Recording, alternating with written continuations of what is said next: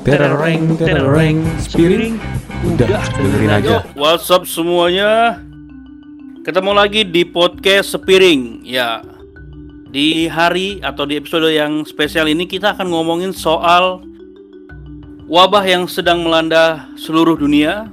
Kita ingin ngomongin soal COVID dan bagaimana orang-orang kreatif menangani COVID, hidup dalam wabah COVID, dan bagaimana juga mungkin beberapa gejala-gejala mungkin yang eh, kok banyak mungkinnya aku ya kacau nih. Ge, bantuin aku, Ge. Ge, Black. Nggak, gue nggak denger Jo. Kampret. Oke, jadi kali ini kita ada tamu.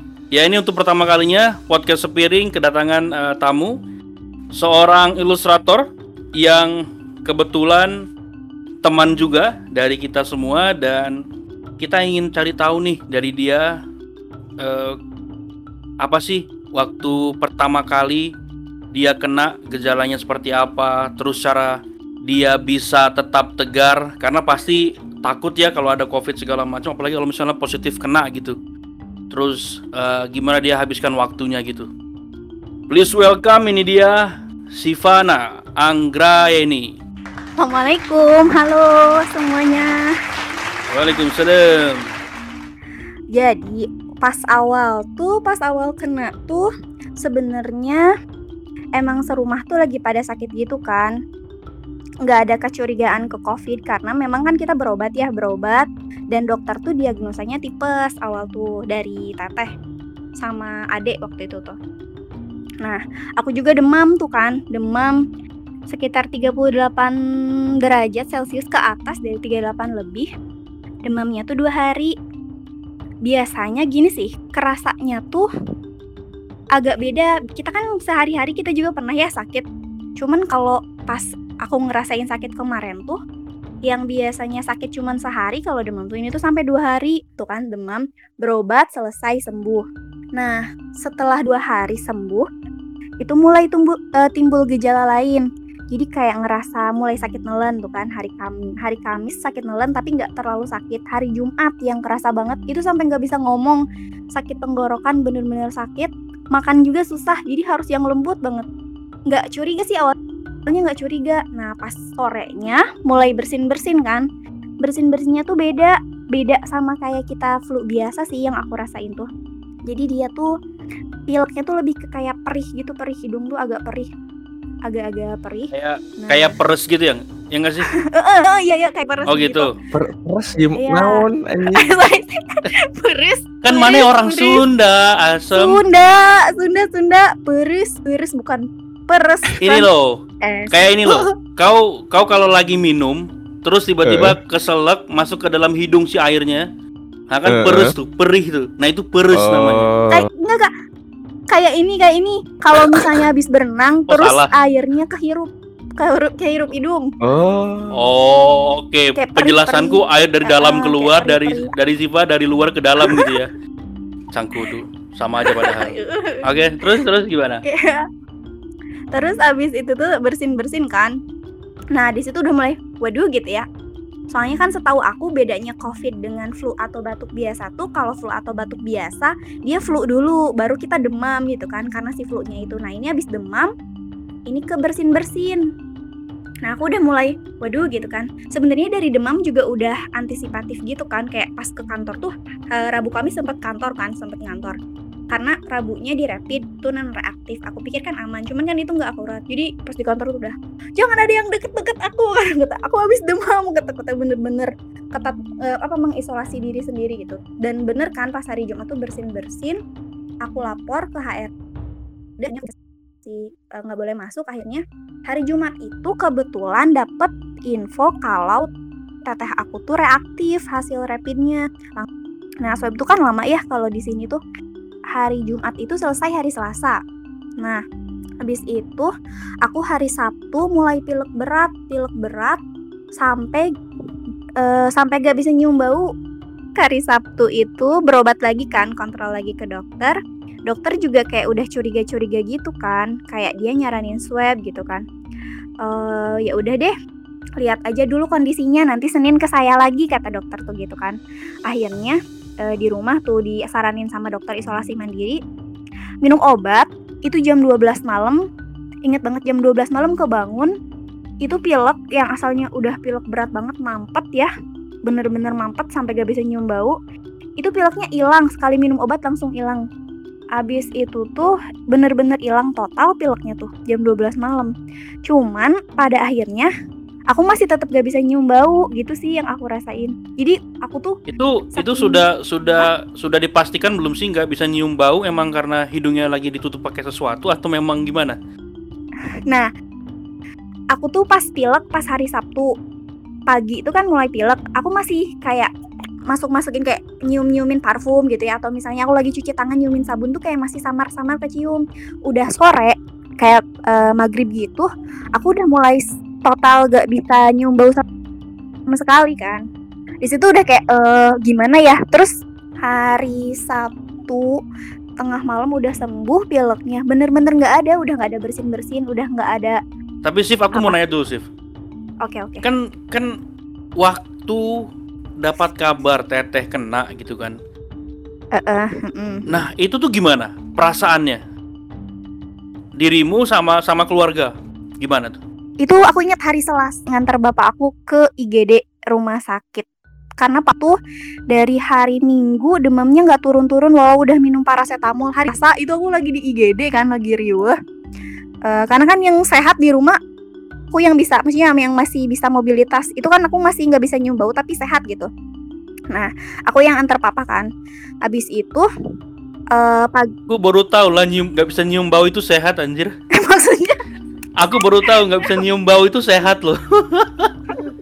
aduh, aduh. Iya, maksudnya Ya ya ya ya ya. secara fisik Gak bisa gitu. nyium bau. Nah, Oke oke. eh, pagi-pagi jam Terus setengah delapan gitu ya Selasa ditelepon dapat telepon katanya teteh positif itu lagi di IGD aku langsung laporkan ke dokter dok dok kata aku tuh ini ayah saya eh, kayaknya suspek deh soalnya eh, kakak saya positif di rumah serumah. Iya serumah. Langsung pindahin kan sama dokter langsung pindahin ke ruang khusus. Akhirnya aku diwawancara tuh sama dokter. Diwawancara katanya nanti saya laporin ke satgas covid di sini. Ya udah gitu lah ya. Pertama denger jujur ya pas pertama denger itu sebenarnya aku udah berekspekt bukan berekspektasi udah memperkirakan positif. Karena ngelihat dari eh, gampang-gampang nularnya itu loh. Jadi hampir serumah dapat kabar eh, fix gitu ya itu positif tuh awal-awal tuh trembling gitu agak agak kaget gitu kan. Kayak ah positif gitu kan. Terus mungkin karena alhamdulillah ya maksudnya eh, mungkin posisinya mungkin memang lagi di riweh tapi alhamdulillahnya teh jadi nggak terlalu fokus ke positifnya lebih ke kayak lagi sibuk ngurusin orang tua jadi nggak terlalu panik gimana gitu. Jadi udah teralihkan gitu fokus kita tuh. Kan akhirnya langsung lapor ke dokter gini gini gini. Eh, kayak sekitar 10 menitan deh aku tenangin dulu gitu. Pas 10 menit itu eh, tenang maksudnya aku menyendiri dulu gitu kan. Eh, tenangin dulu baru ngurus-ngurus gitu kan. Oke positif kata aku kan. Berarti ini gimana nih? Berarti sekeluarga harus dapat kan swab dari pemerintah dapat trackingan atau gimana lah gitu alurnya. Gue nggak terlalu paham jujur aja ketika ada Hmm. Keluarga kita yang positif terlalu paham alurnya gitu. Kirain aku bakal didatengin gitu kan langsung didatengin otomatis. Akhirnya udah tuh 10 menit udah oke lang eh, diwawancara dokter kan kayak ngobrol-ngobrol-ngobrol-ngobrol gitu. Oke fine masuk ruang isolasi karena statusnya suspek.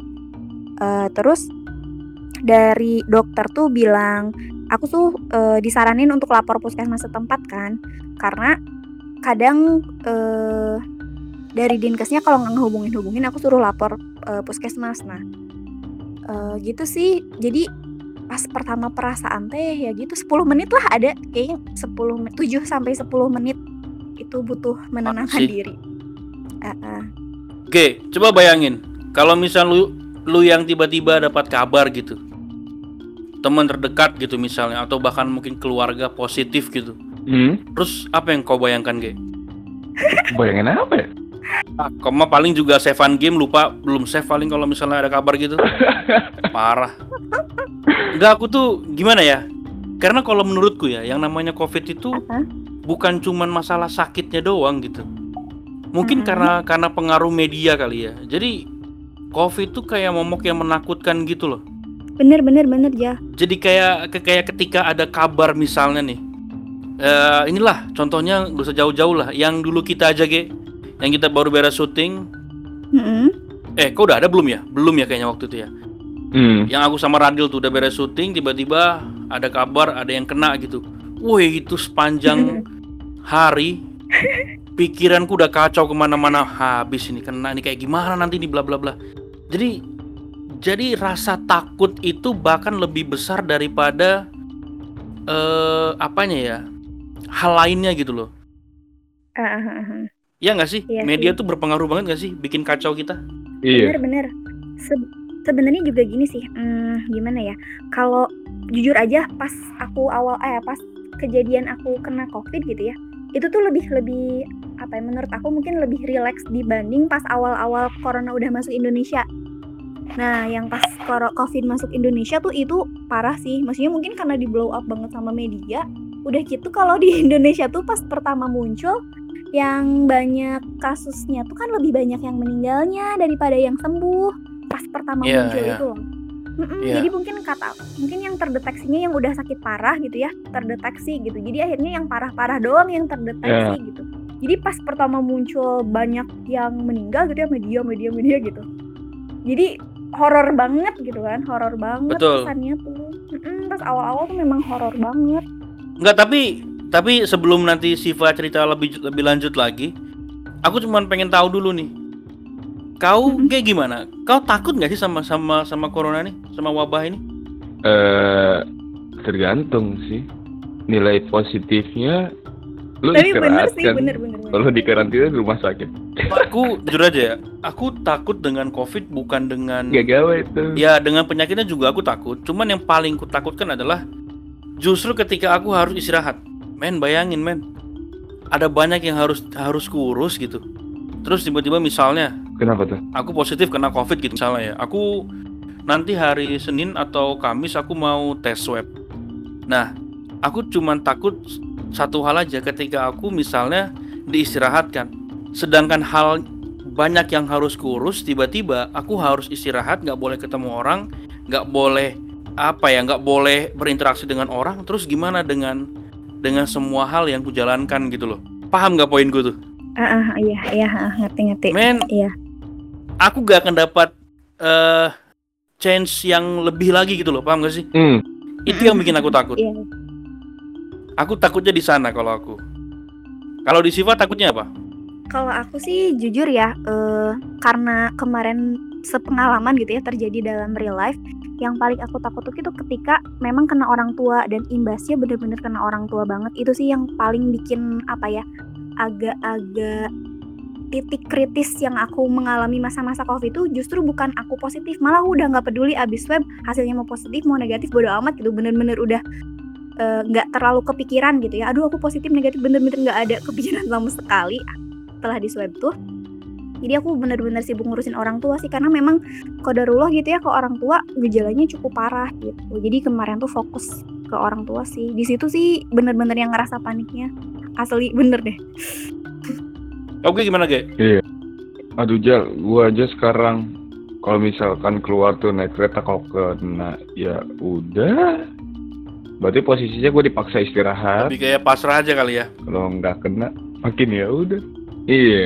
Soalnya gini loh, balik lagi ke media sih. Dulu tuh SARS begitu-gitu. Sampai sampai sekarang bener, mana itu SARS. Gak tahu aku. Covid aja dari SARS, SARS Covid. Ya nggak sih? Iya kan? Dulu aja SARS ada, mungkin gara-gara media kurang, masih pakai majalah, masih pakai koran, terus stasiun TV cuma berapa bisa dikontrol Dan kalau dari Hmm. pemerintah. Sekarang media udah di mana makin komisi gitu jadinya heboh. Dulu mah enggak. Bahkan kalau misalkan dulu SARS udah nongol media banyak, kita udah dari tahun kapan itu Hmm. SARS Iya, itu iya. dulu tuh? Udah pakai cuman masker kali kita waktu SD, ya kan? aku masih bingung nih. Eh terakhir aku dapat kabar, bukan kabar sih, lebih tepatnya ya baca berita gitulah. Katanya COVID ini Mhm. memang yang paling banyak memakan korban jiwa gitu. Dibandingkan dengan kecuali wabah yang yang tahun sebelum milenium ya, itu kan ada tuh yang yang parah banget tuh yang apa namanya? Yang pakai paruh itu. Nah, itu. Nah, kita ngomongin di era-era milenium lah. Itu memang katanya yang paling parah memang Hmm. si COVID ini. Makanya Black Black kayaknya kan kalau untuk media kan itu Eropa. bad news is a good news gitu. Jadi ya emang makanan mereka aja itu rating mereka di sana gitu. Makanya mau nggak mau ya kita dijejeli gitu, takut lah segala macem gitu. Kacau sih. Iya. Dan ini sih menurut aku ya bedanya SARS gitu ya atau misalnya kayak flu Spanyol atau misalnya penyakit-penyakit zaman dulu sama bedanya sama COVID itu mungkin lebih ke ini kali ya. Kalau COVID itu penularannya tuh lebih mudah dibanding sama SARS. Kalau SARS itu damage-nya eh, lebih parah. Cuman menularnya nggak semudah COVID. Kalau COVID itu dia tuh damage ke kesehatannya itu lebih ke orang-orang yang punya riwayat penyakit. Jadi kalau untuk orang-orang yang masih muda mah insya Allah gitu ya, insya Allah nggak akan terlalu eh, berpengaruh banyak lah. Mungkin ada yang bergejala, tapi ada juga yang eh, enggak gitu. Jadi kalau COVID itu eh, lebih kepada penyebarannya dibanding sama si akibatnya itu. Sebenarnya kenapa saking mm, banyak-banyak banget gitu, banyak blow up banget di media teh. Kataku gitu sih, menurut aku ya ini mah Hmm. mungkin di situ. Dan dulu tuh kalau nggak salah, bukan dulu, eh, beberapa bulan yang lalu, eh bahkan beberapa sempat nggak sih nonton berita? Waktu itu sempat ada berita tentang ini, yang orang dia nggak covid sebenarnya, tapi Mm-mm. kemudian dia meninggal dan dia dibilang terkena covid meninggalnya. Padahal nggak ada sama sekali covidnya gitu loh. Karena waktu itu untuk yang meninggal itu akan dapat apa gitu si rumah sakitnya dari pemerintah. Oh, Pernah nggak sih kalian tahu berita itu? Dulu kan sempat heboh tuh. Sampai akhirnya pemerintah mengeluarkan peraturan baru kan waktu itu. Jadi kayak udahlah ada aji mumpung dari oknum-oknum tertentu ditambah lagi media melihatnya sebagai sesuatu yang bisa bikin rating mereka bagus di blow up makin jadi makin banyak berita-berita yang apa ya yang makin horor gitu loh menakutkan parah sih ini Ge, Habis ini kita bakar media ya. Wanjay, jangan dong. Ini juga media ini. Oke, nice. Terus Fa, waktu kau udah udah tau lah kakak eh, kena gitu. Terus kau juga lagi bawa orang tua gitu kan.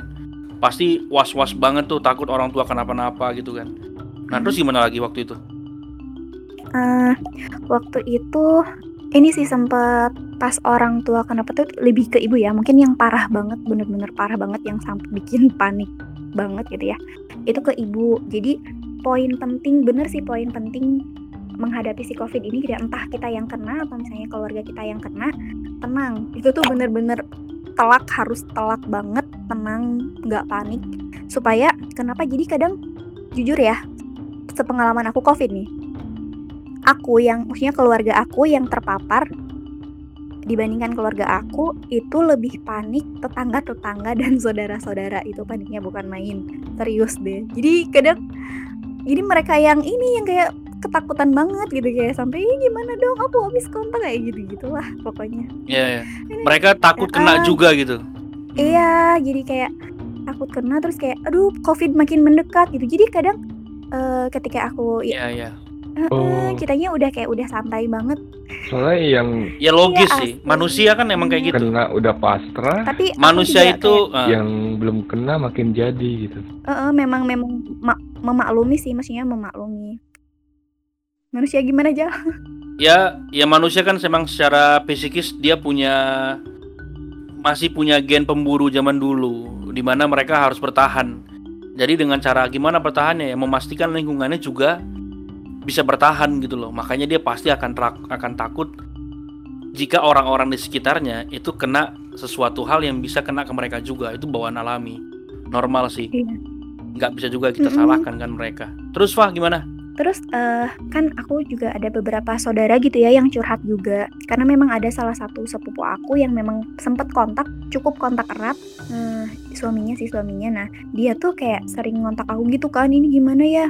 Kayak muncul gejala gini-gini aku bilang oke kata aku teh nanti aku laporin ke dinkes nanti supaya dia dapat swab gitu dapat tracking. Aku bilang gitu kan. Eh, jadi eh, dia juga pas telepon aku tuh agak-agak nangis gitu kan. Aku bilang sih memang wajar sih bener. Kayak misalnya kita panik takut shock gitu ya. Aku karena aku juga sama gitu shock. Cuman eh, masalahnya jangan terlalu lama gitu ketika kita ketika kita dapat info gitu ya kita positif eh, nggak apa-apa mau nangis sedih gitu ya nggak apa-apa gitu wajar. Apalagi kalau misalnya lagi mengalami masa-masa kritis gitu ya berat.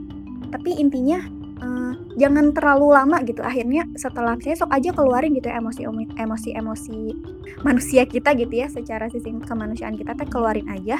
Nah setelah itu udah tenang baru ini langkah apa yang akan kita ambil selanjutnya? Kita terima nih oke kita positif. Lalu kita harus gimana gitu Hmm. kan? Misalnya eh, kita eh, lapor ke dinkes atau misalnya kita disuruh isolasi gitu kan.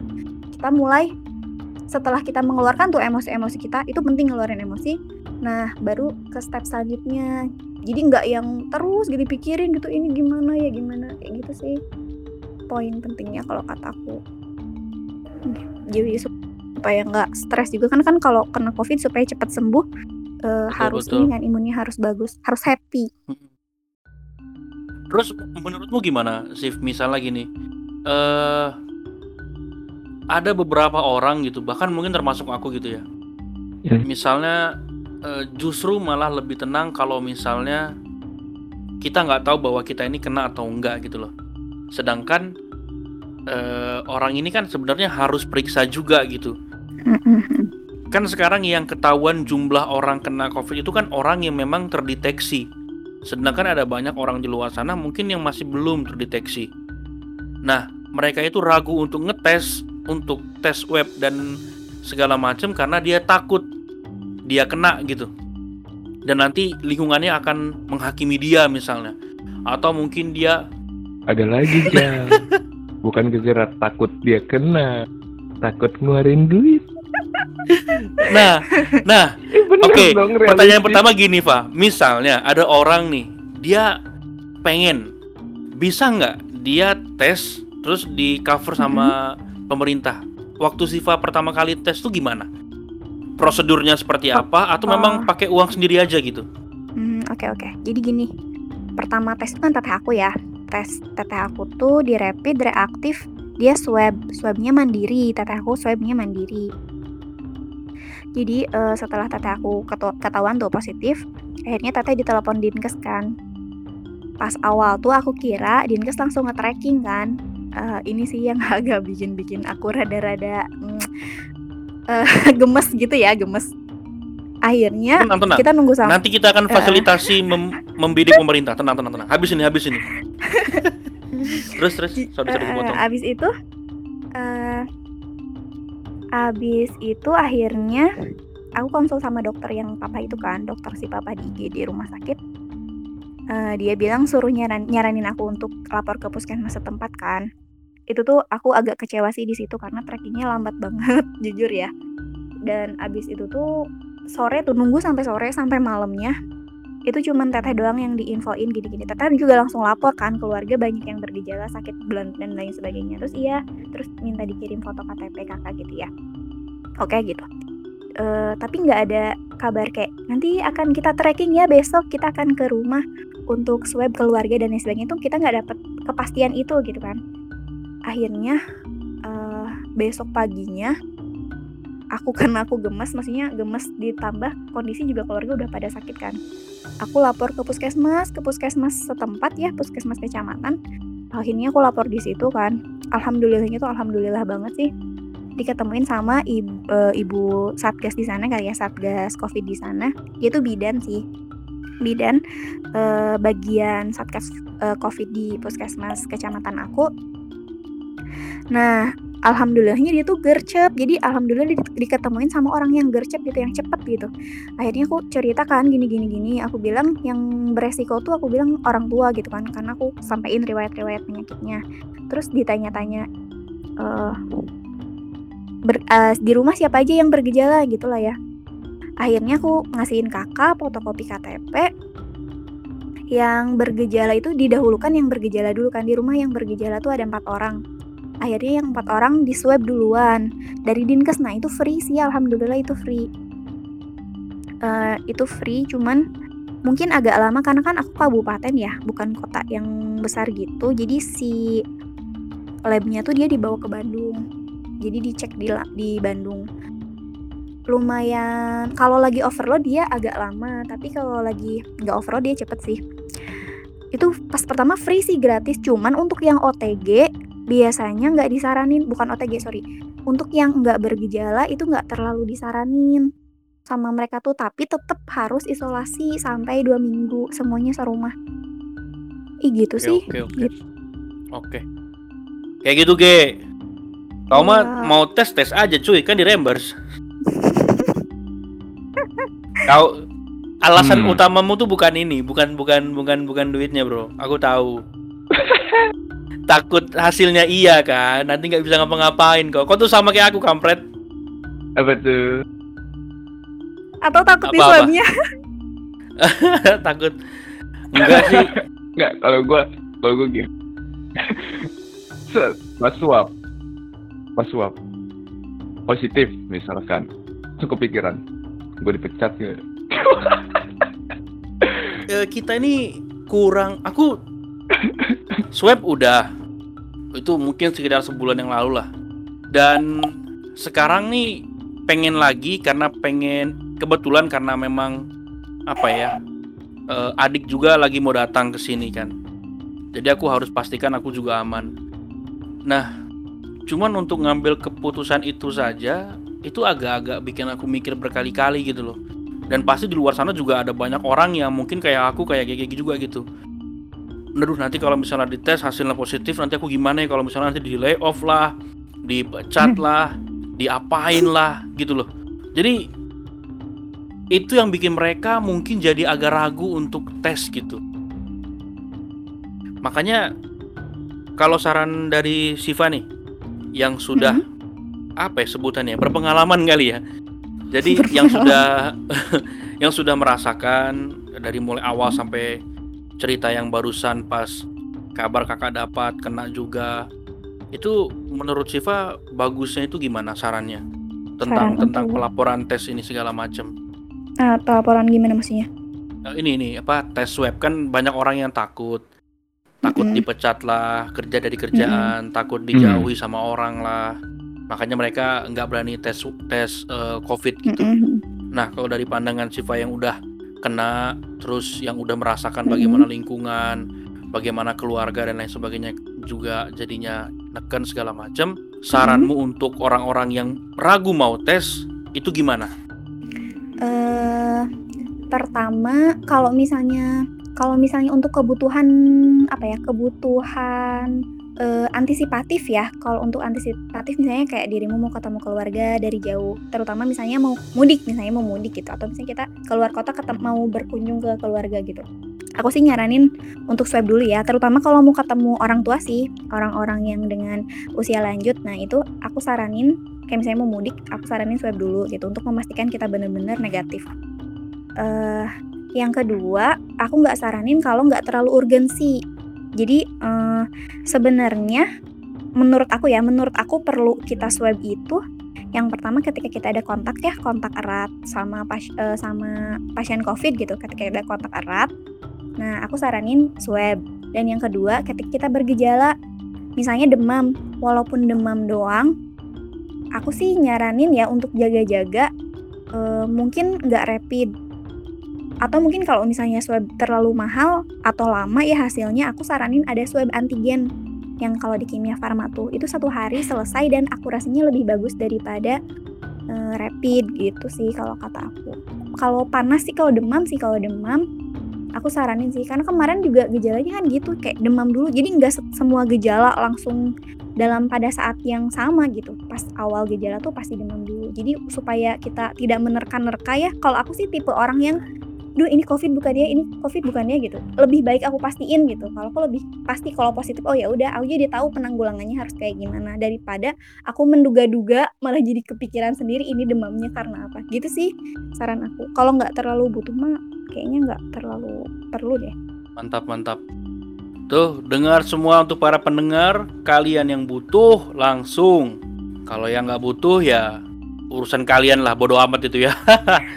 yang penting eh, yang penting tetap 3M ya 3M mencuci tangan menjaga jarak memakai masker. Oh, kirain makan makan makan. Sebenarnya sih eh, Kamu- yang penting sih itu sih tahu sadar diri buat apa ya? Buat bersih bersih maskeran segala macam. Harus dari situ Iya dulu kalau misalkan udah nggak peduli dari situnya ya percuma tapi pernah mikirin nggak sih coba ngebayangin lu di rumah nggak pernah keluar eh, terus nggak pernah bersosialis eh apa Bersosial- Sosialisasi. Loh, ada yang baru loh, Bro. Berita. Aku nggak tahu ya. Ini tadi aku berita dari mana ya? ah betul Koran Sindo atau apa gitu aku lupa tadi. Lewat lewat ini berita lewat berita online. Pevita Pierce. Eh, dia nggak ke mana-mana. Terus dia positif corona. Terus dia shock. Nah itu tuh. Kok bisa ya? Kok bisa? Oh iya, Jal. Tadi gua ada ada ini enggak sih kayak Iya pasrah kau. pasrah kan? Mau gua ngomongnya bukan nggak peduli kan? Tapi sebenarnya poinmu tuh bukan pasrah kalau menurutku. Poinmu tuh takut. Poinmu takut. Pasrah kan hitungannya. Ah betul. I- iya, lebih kepada takut nanti dampaknya, bukan penyakitnya, dampaknya justru. Karena Oh kalau udah Karena- kena gitu ya? rata-rata rata-rata orang, apalagi dia yang mungkin bekerja, apalagi dia mungkin yang punya tanggungan dan lain sebagainya, Iya sih benar. justru ketakutan mereka tuh bukan bukan ke penyakitnya, Bro. Dampaknya. Dampaknya nanti dia mungkin di dikeluarkan gitu dari perusahaan atau di Hmm. ya banyaklah hal-hal negatif yang mungkin bisa bisa terjadi gitu makanya orang jadi ragu untuk untuk tes karena dia ingin mengamankan agar dampaknya nggak terjadi gitu loh Oh. Iya iya iya. ya kok bayangin lah misalnya untungnya kan kalau kita kerja di perusahaan yang memang basicnya eh, konten digital ya kan kalaupun nanti misalnya kita nggak produksi pun kita bisa buat produksi animasi gitu jadi masih bisa aman sebenarnya cuman gimana dengan dengan usaha-usaha yang yang kayak aku nih misalnya usaha event usaha creative agency ketemu klien itu aku bakal stop selama selama karantina. Kan kacau. Waktu kena sudah pasti kakak kena Mhm. dirimu kena ayah ibu adik juga kena Mhm. gitu. Apa yang dilakukan selama proses karantina? Dari mu- dari mulai asupannya dari mulai mungkin di rumah kegiatannya ngapain? Itu gimana? Ngapain aja dirimu? Hmm, jadi pas awal kan pertama teteh dulu nih yang tahu yang keluar hasilnya teteh udah pasti. Besoknya langsung dijemput eh sorry bukan dijemput langsung disuruh ke ada hotel gitu hotel untuk yang di apa yang disewa khusus dari dinkes untuk orang-orang yang gejala ringan sama OTG jadi teteh tuh besoknya pas tahu positif besoknya udah langsung ke situ mamah papa di rumah sakit rumah sakit beda aku masih di rumah. Jadi aku masih nunggu hasil swab tuh masih nunggu hasil swab. Eh, jadi sempat mencar sih sempat mencar empat tempat. Nah pas aku di rumah itu masa-masa di rumah masa penantian hasil itu eh, pas awal-awal itu aku masih belum produksi eh, belum bisa belum bisa fokus ke yang lain ya. Masih riweh-riweh ngurus-ngurusin berkas-berkasnya mama. Karena memang eh, butuh bolak-balik udah gitu kan. Karena mama kan itu kan isolasi ya nggak bisa ditunggu. Eh kesibukannya pas awal-awal itu nyiap-nyiapin kebutuhannya mama. Kayak misalnya eh, pengen buah-buahan nih. Ya gitu bolak-balik rumah sakit teh. Nganter-nganter itu. Nah setelah aku udah mama udah udah apa ya udah stabil gitu ya. Kondisinya udah stabil kesehatan udah stabil mulai tuh santai agak-agak santai. Terus tahu positif akhirnya aku juga ke sana. Eh, sempat ngerjain proyekan sih proyekan terakhir. Proyekan terakhir tuh ada desain packaging itu sama temen sih alhamdulillahnya ada temen. Jadi ada temen yang backupin akhirnya aku tahu covid eh, udah tuh udah udah hampir 3 per 4 jalan desainan tuh. Akhirnya aku minta dia yang finishing gitu. Aku bilang finishing ya? Aku bilang aku udah kayaknya karena masih riuh itu jadi nggak kepegang itu sempet tuh sempet eh, ngambil proyekan dulu pas awal-awal covid tuh. Nah setelah covid aku memang sengaja nggak nggak terima komisi dulu gitu. Paling satu satu itu pun yang nggak yang aku nggak beban gitu yang nggak terlalu ribet. Ya gitu eh, akhirnya karena eh, bosen juga ya di rumah akhirnya back to manual book. Jadi akhirnya ya udah deh kayak lagi seneng-seneng gambar-gambar manual ya udah gambar gambar-gambar manual aja sih. Terus paling eh, ngobrol-ngobrol sama temen biasalah eh, hampir kayak berapa hari sekali aku tuh video call sama teman-teman aku atau telepon sama teman-teman. Karena jujur efeknya yang paling ngena adalah itu sih kehidupan sosial bener banget. Ka- kata GG tadi ya ngaruh banget ke ke apa psikologi kita. Jadi kita kan butuh kan kita setiap hari bersosialisasi nih gitu ya. Ketika kita harus isolasi dalam berminggu-minggu itu bener kebutuhan sosial tuh bener-bener kayak butuh banget gitu kayak makanya sering banget nelponin teman-teman gitu sih nelponin teman-teman terus ya gambar gambar bikin karya-karya ilustrasi manual paling gitu sih kegiatan kalau kegiatan aku ya Tapi emang benar sih. Apa ya? Eh mungkin bagusnya orang yang kena Covid itu misalnya yang di karantina itu diberikan paket internet gratis tuh, bagus tuh. Jadi pemerintah untuk yang dengar podcast ini, saran kami dari Spiring, berikanlah kuota gratis untuk yang di karantina. Kenapa? Karena sosial itu akan sangat membantu sekali. Karena orang-orang karantina itu kan sebenarnya bosen ya, ya nggak Iya. sih? iya bener Iya. Jenuh gitu loh. Aku aja Loh, Jal, percuma tapi Jal kok dikasih misalkan internet gratis. Kalau misalkan Oh iya, kayak kemarin. Aduh, aduh. Sinyal nggak masuk. Kacau Jal. sih emang. Yang dibutuhkan itu hanya gerabin, Itu mah kau. ngerawat. Itu mah kau. Oh. Itu mah kau. Oh, iya. eh eh tapi tapi tapi eh aku kan kemarin isolasi kan ada dua ya di rumah sama di hotel Ah. di suatu hotel di suatu hotel nah jujur aku Terus? lebih betah isolasi di hotel daripada di rumah ah, plus minus sih positif eh, positif negatif enaknya kalau di rumah itu lebih banyak me time gitu kan cuman kan kita kebanyakan me time juga enak juga ya gitu Mana? nah kalau Ya, eh, di hotel itu enaknya kita ketemu teman-teman lain gitu jadi eh, kita bertemu manusia lah gitu bertemu Eh, eh, jadi seneng banget tunggu tunggu aku mau Apa? nanya. Aku mau nanya. Aku aku nggak nggak kebayang Apa? gitu ya. Itu ke- karena aku belum pernah lihat tempat karantina gitu. Kan kan logikanya COVID itu kan gampang tertular. Eh, iya ya? Nah, kalau orang ditaruh di satu ruangan yang sama, misalnya sebutlah ada lima ruangan, ya berarti muter-muter doang dong penyakitnya di situ, di situ terus. Nah, uh, that's the point good. Uh, jadi gini, uh, di sana walaupun tempat karantina sebenarnya kan karena ini overload ya, karena udah mulai overload di kota aku juga. uh, jadi sekamar itu sampai bertiga, dua sampai tiga orang. Karena Hmm? kalau satu orang nggak cukup. Ukuran kamar berapa? Oh, ukuran kamarnya lumayan le- apa ya? Luas sih, luas banget. Kataku sih luas banget ya segitu.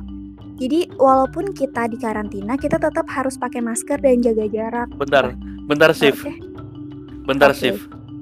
Ukuran segitu itu aku lagi bayangkan dulu semana ya. Sebentar berapa meter ya? Oke oke oke, paham paham. Oh, Terus bisa. terus canda tadi. Pokoknya di sekamar tuh ber- Itu pakai mm, apa? ya terus terus. Kasurnya kan yang pertama yang besar tuh ya, yang besar banget sih kasurnya tuh. Oh. kasur yang besar Oke oke. dan ada King king Nah, ada terus? satu lagi di bawah kasur, maksudnya kasur tambahan. Jadi kasurnya ada di atas, ada di bawah. Jadi bertiga itu tidurnya kita bisa jauhan dan yang satu misah gitu sih. Dan ini sih eh jadi walaupun jadi kadang aku aku aja ya di tempat karantina tidur aja pakai masker gitu. Paling kalau engap ya dibuka sedikit. Cuman masker benar-benar 24 jam kecuali ke kamar mandi sama 24 kalau jam? lagi iya serius. Di rumah juga sama sih di rumah.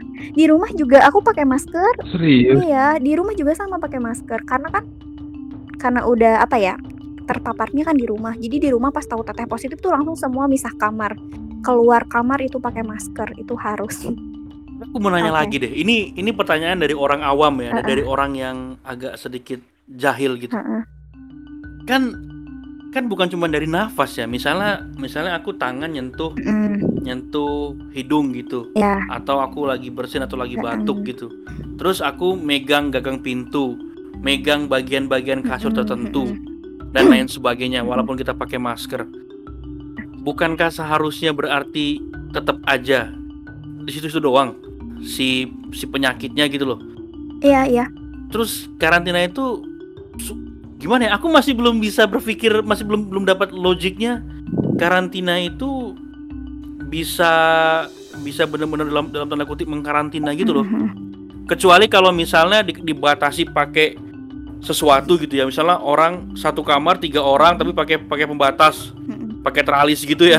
Terus sebelahnya lagi ada. ya itu mah namanya bukan lagi. sekamar tiga orang Jal itu mah namanya sekamar satu orang kalau pakai teralis kali Oh gitu ya.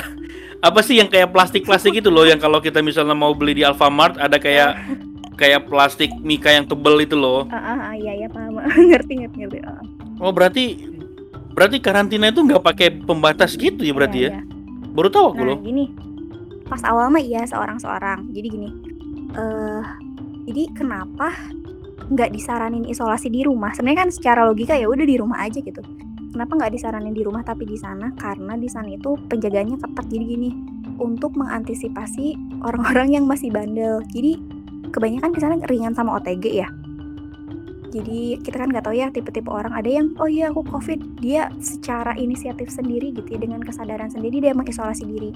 Ketika tidak ada yang memantau di rumah dia bisa ke mana aja.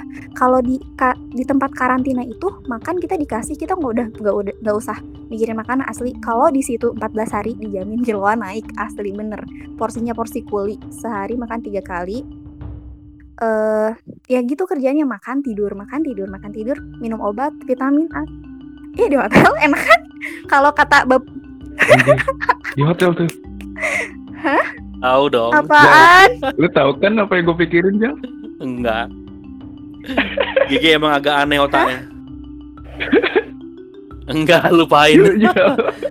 Oke, oke, oke. Iya, Berarti itu pun sebenarnya kenapa dibuat satu kamar tiga orang emang karena lagi iya overload aja betul. kali ya. Dan ini setelah kita selesai dari situ tuh, hmm, kita memang nggak disaranin swab langsung kan? Kita tuh masih pas pulang, kita tuh masih disaranin isolasi tambahan tujuh hari di rumah dari tempat itu tuh, gitu. Oke, berarti proseduralnya itu di tempat karantina yang disediakan pemerintah 14 Oh, hari. enggak, eh, Udah beres. tergantung Apa? tergantung gimana dokter jadi kalau Hmm. jadwal pulang itu ditentuin sama dokter jadi pas kita masuk ke tempat karantina tuh kan Oh gitu. iya ke lobby dulu ada pemeriksaan dulu pemeriksaan sama perawat gitu ya biasalah Hmm. pakai APD dan lain sebagainya. Bener-bener dicek tuh saturasi a- oksigen ya. Hmm. eh, kadar oksigen tensi gitulah ya. Nanti dari situ pemeriksaan wawancara gitu ya gejala. Nah dari situ eh, dokter menentukan kita bisa pulang tanggal berapa. Nanti kita eh, di chat adminnya kamu bisa pulang atau kita tanya adminnya kamu bisa pulang tanggal sekian. Nah tapi dari tanggal sekian itu isolasi lagi di rumah tujuh hari. Gitu.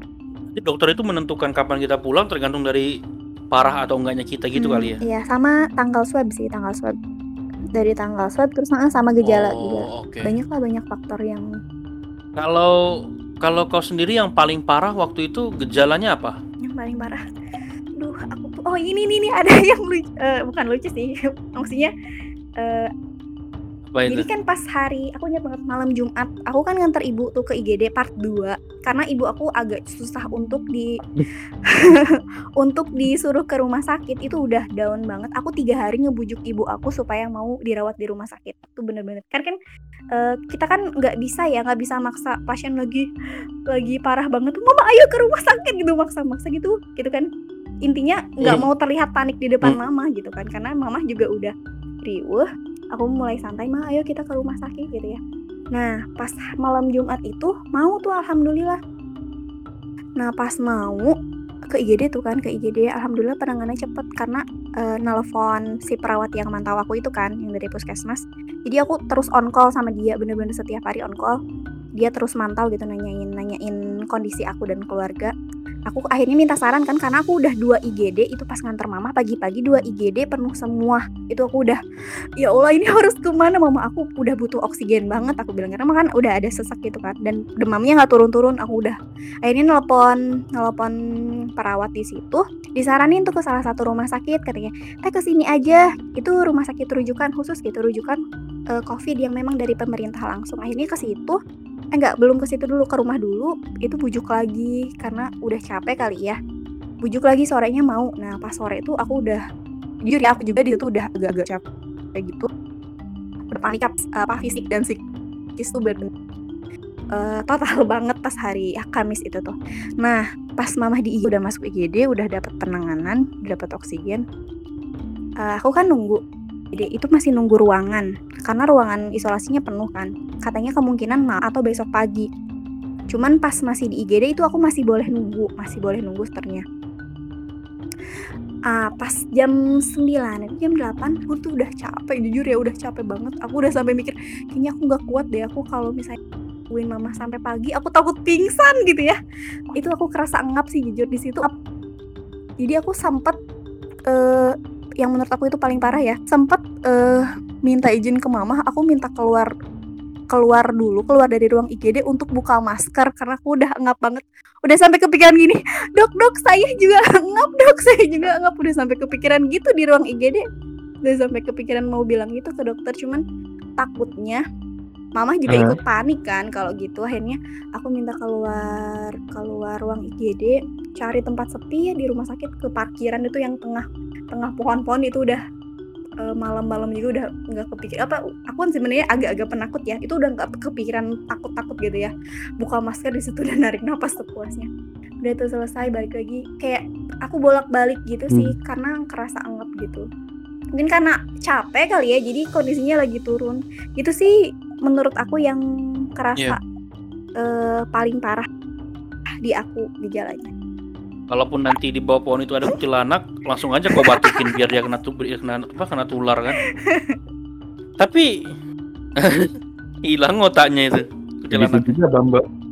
Tapi kok aku jadi penasaran, kan dirimu eh em- empat apa tiga ya? Empat bersaudara iya ya? empat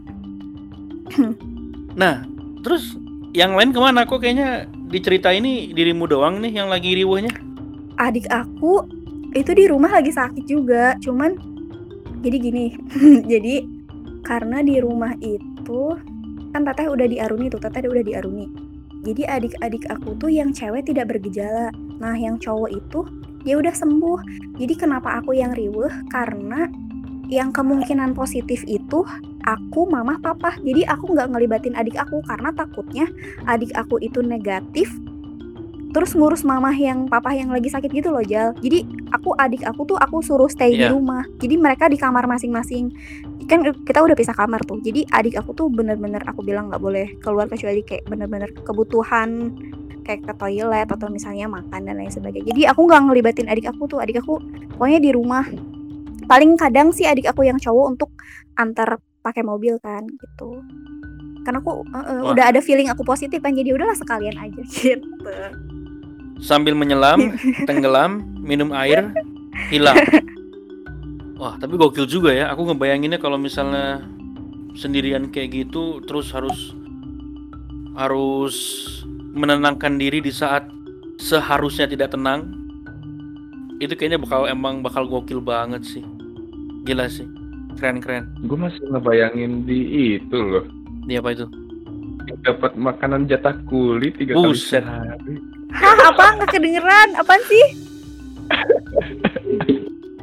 Serius Enggak, gak enggak. kedengeran? Si GG dia masih mikirin masih mikirin dapat makan tiga kali sehari porsi besar. ya ampun Emang agak sengklek sedikit otaknya Jadi dia oke nih. nih. Eh, kalau misalnya kamu gejala ringan atau OTG dan isolasi di hotel, udah anggap aja liburan. Tapi memang bener nyaman sih fasilitasnya nyaman banget, Nah gitu Cak. nyaman jal. Udah makan tidur aja kerjaannya di situ. Makan tidur, makan tidur. Tidak, Gawe, gawe di situ aja Jan. susah ya, Bray. Aku tuh kalau istirahat tuh nggak bisa bener-bener istirahat gitu. Iya ya. Justru gimana ya? Kalau badan nggak bergerak itu, jadinya malah sakit. Iya sih. Mungkin karena karena udah biasa aktif kali ya, jadi agak agak terputar balik. Anaknya sudah ininya. aktif ya, Bun. Iya. Kampret. Oke, terus ini Pak, perlakuan orang-orang di sekitarmu tuh Ah, gimana? iya. Tetanggamu, kemudian teman-teman ayah, mungkin gimana tuh? Eh, itu alhamdulillah banget ya Allah bersyukur banget ya ini mah alhamdulillah punya banyak lingkungan yang benar-benar ngedukung gitu. Emang beberapa orang panik, tapi mereka tuh paniknya enggak yang kayak eh eh, enggak yang menyudutkan kita gitu loh Jal. Jadi mereka panik takut kena, tapi mereka memberikan dukungan gitu ya. Mudah-mudahan sehat kayak gitu. Jadi alhamdulillah banget gitu ya dikelilingin sama orang-orang yang banyak ngasih dukungan. Enggak yang julid-julid gimana. Tetap ada sih, masih bukan bukan julid sih mungkin aku lebih ke mikirnya mungkin orang mengingatkan gitu menegur ketika kita misalnya agak kendor nih si protokol kita ada orang yang ngingetin oke fine gitu maksudnya ya terus alhamdulillah gitu ya saudara tetangga banyak yang kirim makanan ke rumah. Terus banyak yang nawarin bantuan kayak kalau butuh apa-apa nanti bilang ya kayak gitu sih alhamdulillahnya teh. Lingkungannya nggak eh, yang menyudutkan. Cuman memang lebih ke daripada yang menghindari kita justru pada bandel kalau di sini tuh. Jadi udah tahu ya eh, kita teh lagi isolasi teh anggar we ada yang ke rumah. Aku kadang sempet satu kali kecolongan. Aku nggak kunci pintu itu udah ada keponakan aku yang masuk ke rumah aku udah langsung panik kita kata jangan dirumahin ke sini serius aku tuh kecolongan satu itu satu kali nggak aku kunci pintu anak kecil anak SD kelas Aduh. Anjir. Kayak gitu gue langsung gue pegang. Nginep ya. Parah. kok jadi horor ya? Parah. kok aku jadi agak aja. horor ya Parah. Ya, gini lah aja ya. psikopat semua orang-orangnya. Ya mau gimana? Tapi- tetap tapi- keluar. Tapi ini aku penasaran loh. Maksudnya Eh? ada nggak sih yang yang yang sampai ngomongin gitu loh? Oh. Kayak kayak ngomongin misalnya, eh jangan ke rumah itu, itu orangnya gini gini gini gini. Jadi kayak nadanya nada-nada Oh. negatif gitu. kayaknya kamu kebanyakan Ayo jujur aja, kamu jujur aja. kebanyakan nonton Bisa drama aja. Indosiar deh. kayak Oh jelas. jangan Itu jangan ke sinetron. rumah Cipana gitu kan Mana misalkan contohnya. Ah, ke rumah ah, ah. Cipana. Aku aja. Heeh. Gimana tuh? Azab orang yang gitu. mengadu domba. Eh kok adu domba? Azab orang yang apa nanti gitu. Nah itu gimana Pak? Eh, Ada nggak? mungkin kalau rumor yang kayak gitu sih enggak, enggak. alhamdulillahnya sih hmm, cuman eh, mungkin kata-katanya nggak gitu kali Nggak ada apa nggak tahu? mungkin kata-katanya nggak gitu kali ya Apa itu? eh pernah ada satu Gimana, ada gimana? ada satu rumor yang tidak benar dan aku mendengar rumor itu. Adalah ketika ada yang bilang aku dibawa ambulan. Dan sama sekali nggak ada yang dijemput ambulan di rumah tuh. Dan aku tuh sehat. Maksudnya aku memang positif tapi aku tuh udah kayak udah recovery gitu loh. Aku memang ke Aruni tapi Hmm. belum. Jadi Hmm. rumor itu tuh bilang aku dibawa sama ambulan itu aku masih di rumah. Dan rumornya sudah itu sih si Pana dibawa ambulans covid katanya teh gitu dibawa ambulansnya itu sih sebenarnya rumornya itu aja sih Eh, cuman syukurlah kalau ambulan beritanya. Kalau dibawa geger repot juga tuh. Maju. Tiba-tiba kan si Pona dibawa GG itu. Siapa GG? Kacau sih koplak. Berarti berarti emang emang lingkunganmu eh, bagus juga berarti ya. iya, Dia malah malah kasih support gitu ya. cuman eh, ya alhamdulillah Bukan bukan bukan emak-emak sinetron Indosiar azab. Bagus bagus. Tapi terkadang ada yang gini Jal, bukan misalkan kita Hmm. kena, ya kan. Tetangga itu support maksudnya. Sebenarnya itu support, tapi kitanya yang bandel, kita yang malah keluyuran gitu. Kebalik gitu. Itu Ada loh yang eh, kayak gitu. itu nanti ada tuh judulnya. Azab yang COVID nggak tahu diri. ini ini kayaknya Nanti dia meninggalnya, Hah? apa? ini seri-seri sepiring bakal munculnya azab-azab semua nih Jal kayaknya Boleh boleh. So ada kasus OTG Search. gitu kan. iya iya Tapi anaknya masih ikutan main bola. iya Bapaknya masih nongkrong. Hmm. Emaknya ya di karantina jadi yang kena tuh ibunya gitu.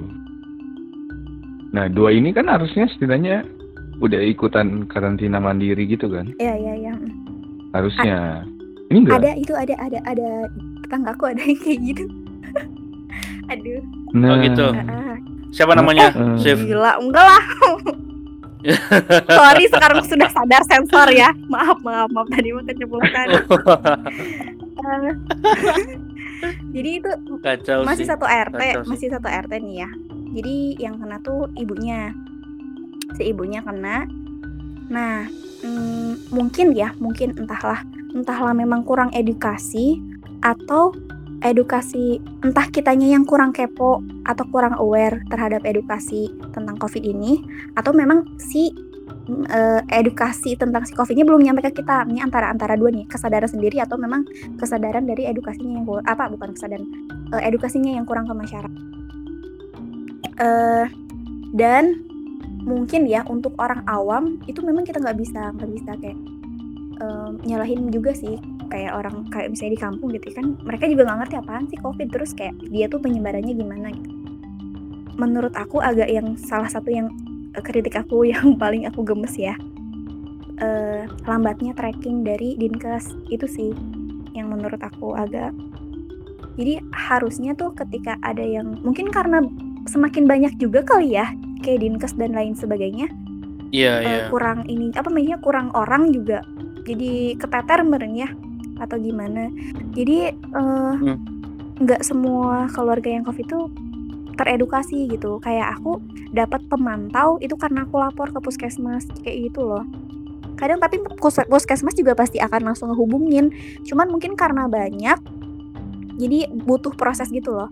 Jadi yang tetangga aku nih eh, ibunya positif tapi si bapaknya masih kayak masih suka masih suka eh, keluar gitu kan anak-anaknya masih suka eh, Oh. masih suka Kirain dugem. Em, nggak ada jal di sini nggak ada alhamdulillah sekali di kota aku tidak ada tempat seperti itu ya Bagus, bagus, bagus. Jangan kayak GG. gua nggak pernah masuk tempat gitu, Jal. Mall aja pusing gimana tempat begitu. Kayaknya kita ini sejenis semua ya. Oh, enggak. Enggak. Tipe-tipe orang yang nggak suka tempat-tempat yang ramai yang nggak jelas kayak gitu. Ah, iya. Terus masih nakal juga si bapak itu. Halo. Kok diam tiba-tiba? Two hours later. Ini si Pana sorry. kayaknya biar nongol ada panggilan sayang begitu. apa apa apa apa apa G iya aku aku lulus apa sih? Ayo aku lulus halo? Ayo ngomongin apa? Ayo. Bantu gua, Jal. Inilah kerjaanku setiap hari ya, ngurusin kata-kata kalian aja kampret. aduh, aduh, GG, GG. Kau jombolnya ketahuan kali, G. Apaan sih? Apaan? Terus sih? Aku terputus tadi. Enggak. apa? Tadi kan kau kan unconnected tuh. Terus GG bilang, kayaknya ah, kita disconnect. Dadah. kayaknya Jal harus panggil sayang deh biar nanti muncul. Astaga, Jal. Eh, G, Pana baru kenal, G? harus ada panggilan sayang gitu maksudnya. Iyalah. iya, itu Jal. Aduh, kocak, kocak.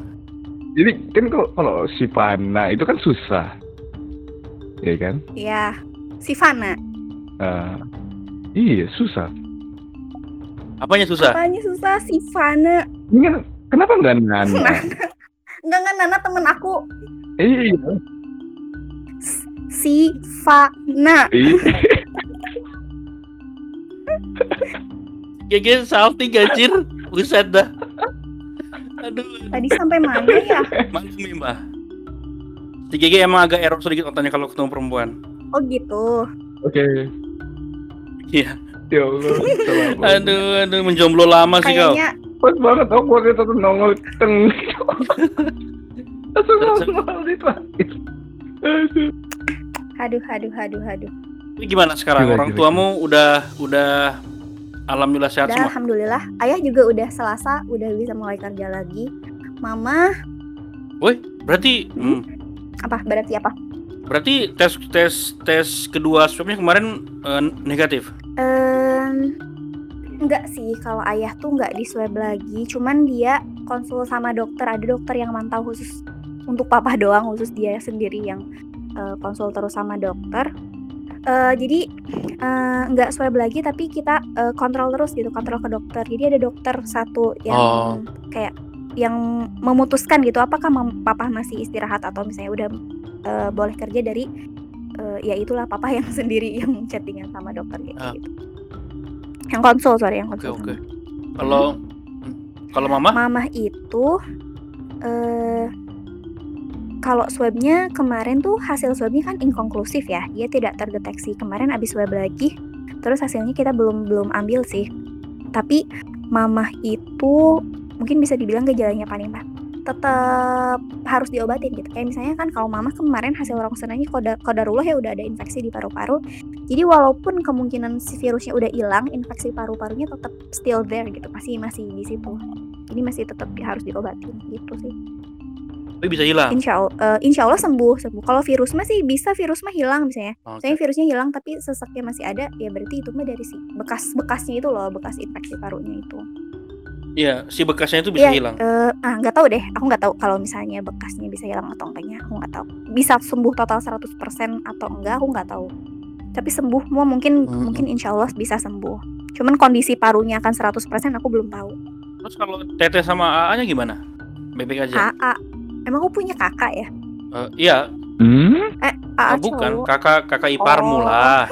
kakak ipar aku lagi di Medan emang lagi nggak di sini lagi ditugas di keluar kota di luar pulau Mm-mm. Oh, teteh oke, mah in- alhamdulillah sehat juga teteh juga sudah mulai aktivitas aku juga udah gitu. Bagus, udah nggak ada gejala sama sekali kalau aku sama teteh Gitu sih mantap. begitu Oke, ada yang mau tanya nggak, Ge? Apa ya? Naon? Bingung eh. Kocak nih. Kebiasaan-kebiasaan ngobrolin hal-hal hal-hal konyol dibawa ke materi yang serius, bingung semua nih. Sif, itu kalau misalkan jarak lu dari karantina yang di hotel sama yang di rumah itu maksudnya udah fix udah sembuh atau masih dalam awasan dokter? nah abis dari hotel itu kan lebihin tujuh hari eh itu tuh sebenarnya kalau udah tujuh hari itu nggak ada swab lagi kan dari dinkes. Cuman kita udah dapat surat keterangan sehat. Eh aku nggak tahu ya mm-mm, prosedurnya cuman kalau kayak aku kan kalau masuk kantor aku harus ada tes swab negatif kan. Nah untuk itu aku kan sempet nanya tuh ke perawat yang apa yang mantau aku ini gimana? Kalau misalnya masih positif udah misalnya tujuh hari dari ruang isolasi terus masih positif gimana? Eh, apa ya itu udah udah dari dinkesnya sih ke, ke- eh, peraturan menkes yang peraturan menkes yang baru. Aku nggak tahu dari menkes atau dari dinkes kota aku ya. Eh, itu kalau yang OTG dan ringan itu memang nggak dapat swab lagi setelah selesai masa isolasi. Paling swabnya mandiri. Eh selesai sih sebenarnya kalau pemantauan si perawat tuh setelah tujuh hari itu selesai. Cuman kalau misalnya kita swab terus masih positif kita masih bisa hubungin dia sih masih bisa. Teh aku masih positif ya kayak gitu. Masih bisa apa ya konsul-konsul gitu. Masih disaranin oh ya udah berarti tambah lagi. Sebenarnya pas aku ngobrol juga jadi ada kasus yang sampai tiga bulan itu masih terus positif di swab swab tuh. Sampai eh, kemarin tuh pas petugas kimia farma tuh sampai ada yang enam bulan itu positif terus. Anjir. Kok bisa? Karena dia satu ruangan terus dengan orang yang sama kena. ini, aku juga kaget sih pas denger kan. Eh, kok bisa gitu ya? Kan isolasinya katanya masa inkubasinya 14 hari. Kok bisa ada yang sampai satu bulan ada yang nyampe yang berbulan-bulan itu? Eh, jadi aku nggak tahu ya. Cuman aku baca sekilas di artikel itu sumber dari WHO juga salah satunya. Ini dari WHO juga kadang berubah-ubah gitu kan karena mereka juga mungkin masih meneliti si virus ini. Jadi si masa infeksius eh, virus adalah 10 hari. 10 hari ditambah tiga hari eh, ditambah tiga atau empat hari itu jadi 14 hari. Itu tuh masa infeksius si virus. 10 hari sih si telaknya mah 10 hari cuman itu 3 sampai 4 hari itu tambahan. Cuman kan kalau di aku ditambahin lagi 7 hari Hmm. tiga minggu gitu ya. Nah katanya masa-masa infeksiusnya tuh 10 hari. Jadi setelah eh, lebih dari 14 hari atau sampai eh, tiga minggu si virus kemungkinan besar apalagi kalau kita udah nggak ada gejala itu udah nggak ada udah nggak infeksius lagi. Jadi udah nggak mudah menular me- udah nggak menularkan gitu ya. Cuman eh, biasanya dilihat dari gejala sih yang pasti udah memastikan sehat banget. Atau mungkin kalau udah nggak ada gejala karena katanya eh, ketika di swab itu masih positif terus kita nggak tahu yang kena kedeteksi sama lab itu karena si virus yang bangkai virusnya masih ada atau memang masih ada virus yang aktif. Katanya masih Hmm. ini ini masih masih beda-beda ya. Aku nanya ke beberapa dokter atau misalnya petugas-petugas satgas eh, COVID itu ada yang bilang ketika swab eh, masih positif itu karena si bangkainya tuh masih tersisa di sini loh. Jadi masih terdeteksi tapi virusnya udah nggak aktif. Tapi masih ada gitu di kita.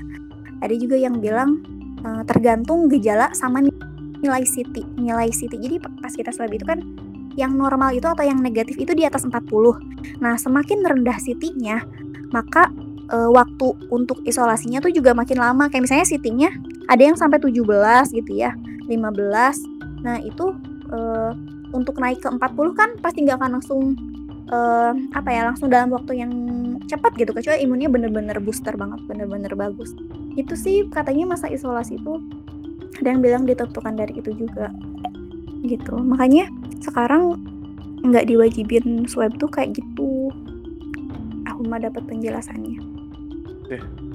Gokil juga ya. kebayang nggak enam bulan? Iya Bayang lah.